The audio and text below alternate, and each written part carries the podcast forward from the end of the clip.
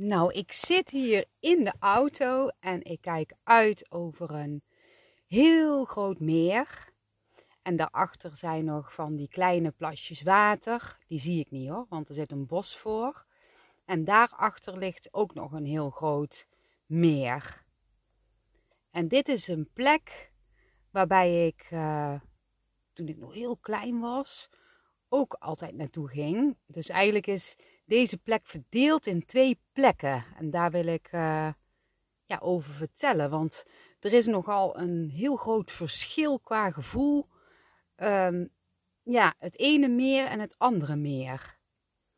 En toen ik als klein kind uh, hier naartoe ging, toen ging ik samen met uh, mijn vader en mijn tweelingbroer.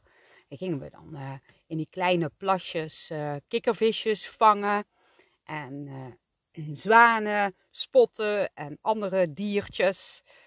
En uh, ik weet ook nog dat ons pap altijd heel graag eitjes uit nestjes haalde.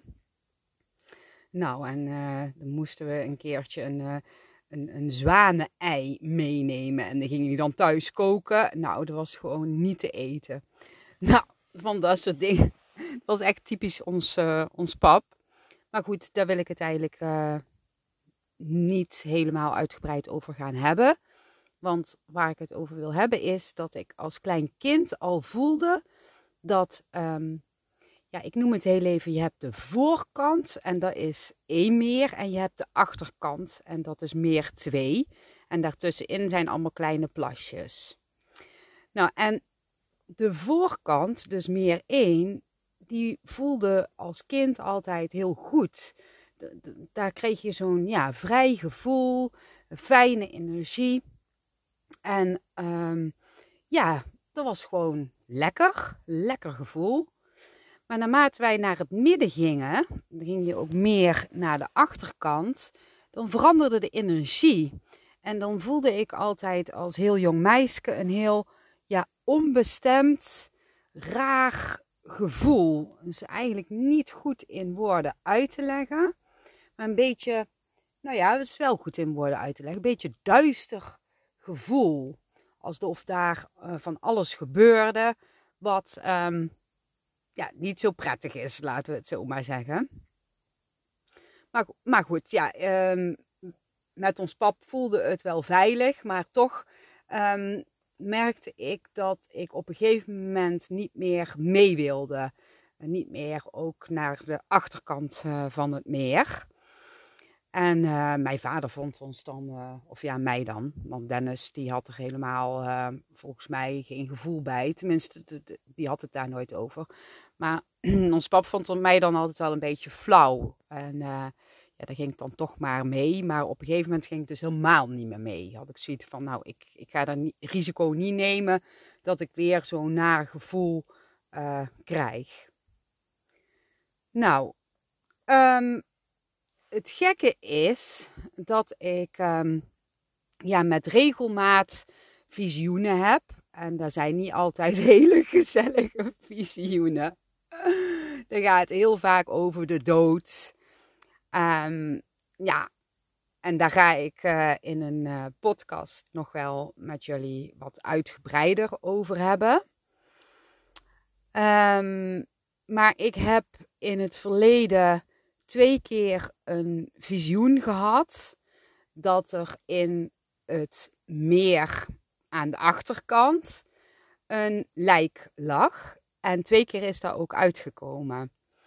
En ja, daarmee werd mijn gevoel van vroeger heel duidelijk bevestigd.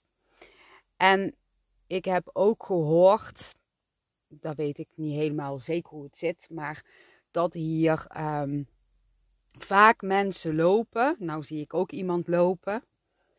Maar ik zit gewoon veilig in de auto en ik ben niet zo bang aangelegd hoor. Maar vaak lopen hier mensen die um, ja, toch net even iets duistere plannen hebben. Um, dus um, er wordt hier gedeeld, er wordt hier, ja, worden hier seksuele handelingen verricht. dat weet ik eigenlijk bijna wel zeker. Dat voel ik ook heel uh, sterk. De seksuele handelingen die niet kunnen eigenlijk. Uh, ja, die verboden zijn, we het zo maar zeggen. Dus ja, het is echt een, uh, een hele bizarre plek. Maar ik had zoiets van, ja, ik, ik, wil, ik wil gewoon er eens even naartoe. Ik wil eens even voelen hoe het uh, vandaag hier voelt. Ik moet zeggen, ja, mm, het voelt redelijk. Ik heb niet het gevoel dat er iemand uh, dood in het water ligt. Het is een beetje schemerig. Ik kijk zo over het meer uit. En in eerste instantie ziet het er heel mooi uit. Alhoewel ik net dus iemand uh, zie lopen. Waarvan ik al voel van, oh, dat is raar dat jij daar loopt. En nou zie ik nog twee mensen, maar die voelen gewoon heel goed. Die zijn gewoon aan het wandelen. Daar voel ik verder niks bij. Wat uh, het daglicht niet kan verdragen, laten we het zo maar zeggen. Maar ja, het is. Ja, waarom zit ik dit eigenlijk te delen? Omdat ik um, ja, jullie wil meegeven dat uh, de plek waar je bent, dat, kan zo verschillend voelen. Je hebt bijvoorbeeld Zon en Breugel, hè, daar woon ik. En ik woon in het zongedeelte. En je hebt dan ook nog het breugelgedeelte. Dat is helemaal aan de andere kant. Dus heb je ook een voor- en een achterkant.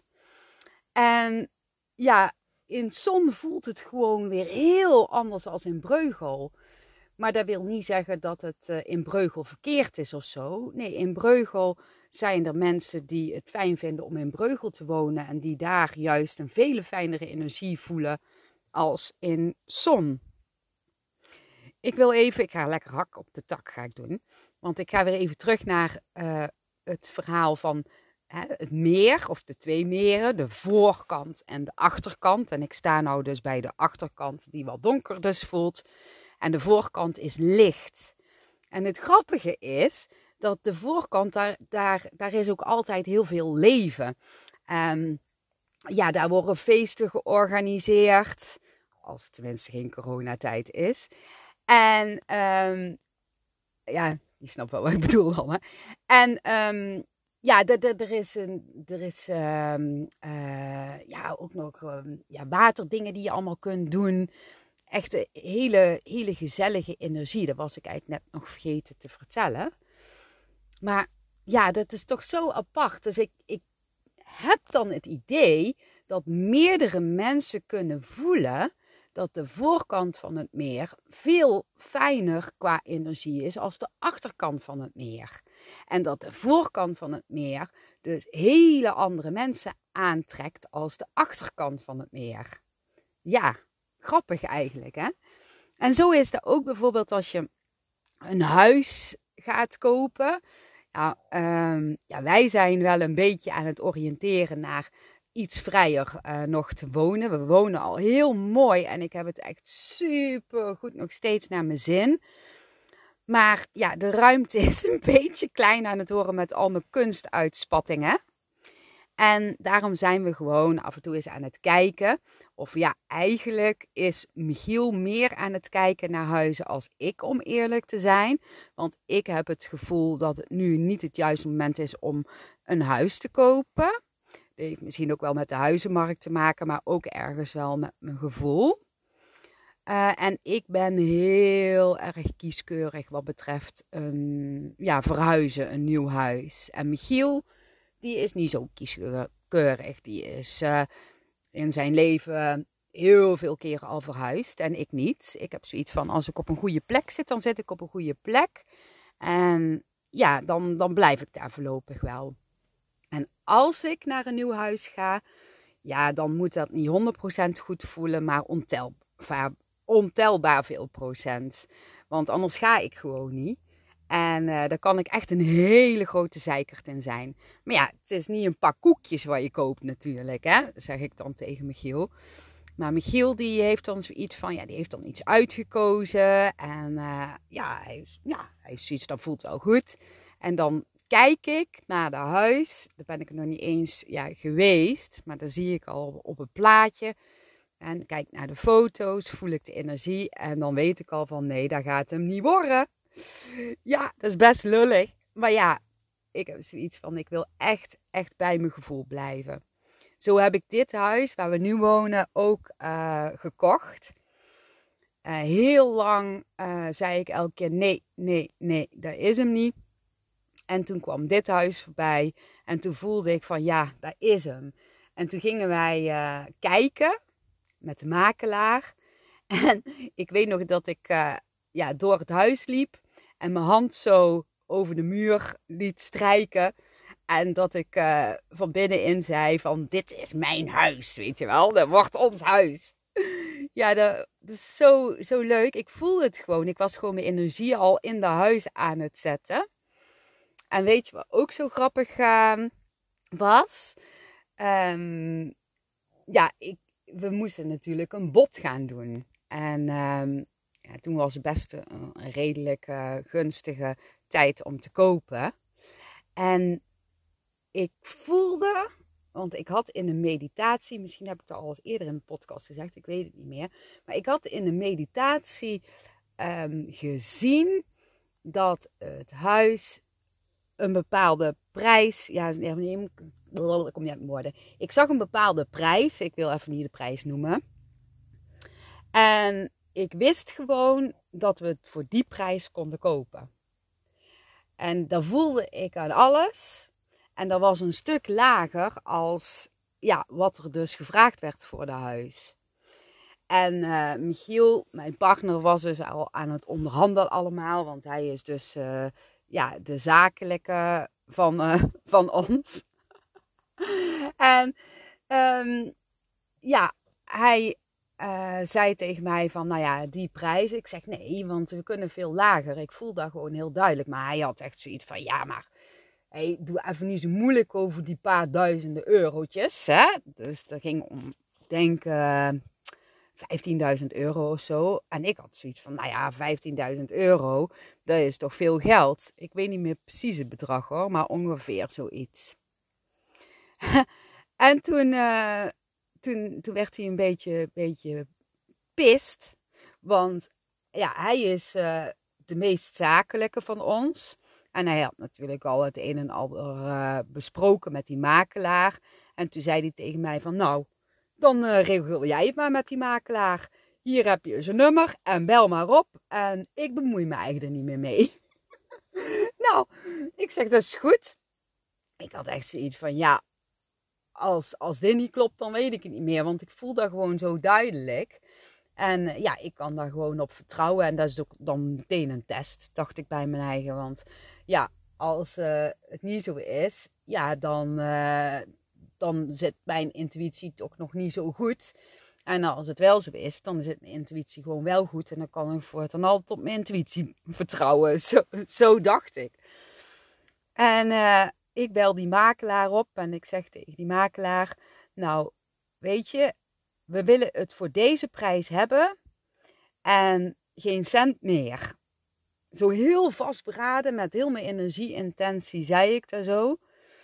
En uh, toen zei die makelaar, nou, ik denk dat dat niet gaat lukken hoor, maar ik zal het bespreken met die mensen. En ik zeg tegen die makelaar, ik zeg, als niet gaat lukken, dan niet, want we hebben nog wel een ander huis op het oog. Dat was dus helemaal niet zo. Maar dat was gewoon een leugentje om best wil. Want ja, je moet toch gewoon het spel spelen hè, met de makelaar, want anders schiet het niet op. Dan draai je sowieso verlies. En nou ja, toen hingen we op. En na het weekend zouden we het dan horen. Nou, en wat denk je? Hoppakee, we hebben het voor die prijs die ik in mijn meditatie zag. Wauw, wat voelde dat goed, jongens. Dat was echt zo fijn. Maar goed, dat was gewoon eventjes een dingetje wat ik wilde zeggen. Maar daar ging deze podcast eigenlijk niet over. De podcast ging dus over dat um, ja, de energie op een plek ja, heel erg kan verschillen. En uh, ik weet zeker dat jullie dat ook kunnen voelen. Dat kan toch iedereen voelen? Tenminste, daar ga ik wel even vanuit. Want als je bijvoorbeeld op vakantie gaat naar Frankrijk, voelt het heel anders dan dat je op vakantie gaat naar Curaçao. En als je naar Afrika gaat, voelt het heel anders dan dat je in uh, Limburg zit, bijvoorbeeld. Hè? Is gewoon zo'n andere energie, zo'n groot verschil. Maar ja, ik heb uh, dus ook altijd in het dorpje 8 gewoond. En in 8 had je ook hele twee verschillende plekken. Je had het oude gedeelte 8 en het nieuwe gedeelte 8. Een totaal andere energie, wat ook weer totaal andere mensen aantrok. Echt bizar. Nou, en ik zit nou nog steeds, uh, ja, op de uitkijk. Zo over het meer. Heel mooi. En um, ja, toch voelt het hier uh, donker. Ja, ik heb ook het gevoel dat niet de laatste keer dat, dat het niet de laatste keer is dat hier nog iemand wordt gedumpt. Daar heb ik ook heel erg het gevoel. Dat klinkt natuurlijk niet zo gezellig, maar ja, het is wel wat ik voel. Ja, dus ik ben benieuwd. We zullen het zien. Ja, dat is wel een beetje gek om zo af te sluiten. Hè? Nou, ik ga uh, weer lekker verder in ieder geval. En um, ik zou zeggen tegen jullie van um, ja, kies altijd de juiste plek die voor jou goed voelt. Ja, misschien wil ik nog, nog een klein dingetje zeggen. Als je bijvoorbeeld op een, op een feest bent, een groot feest, een festival of een grote ruimte, ja, waar iets is, waar iets wordt georganiseerd, ga dan altijd op de meest fijne plek voor jou staan. En als jouw vrienden blijven hangen op een plek die voor jou niet goed voelt, ga dan alsjeblieft ergens anders toch staan. Vol, volg je gevoel. Ja, want daardoor trek je ook weer mensen naar je toe die ja, meer bij jouw energie horen. Oké, goed. Nou, dan ga ik nou naar mijn moedertje toe. Ik wens jullie weer heel veel liefs en een hele mooie dag, avond of nacht. En tot de volgende keer.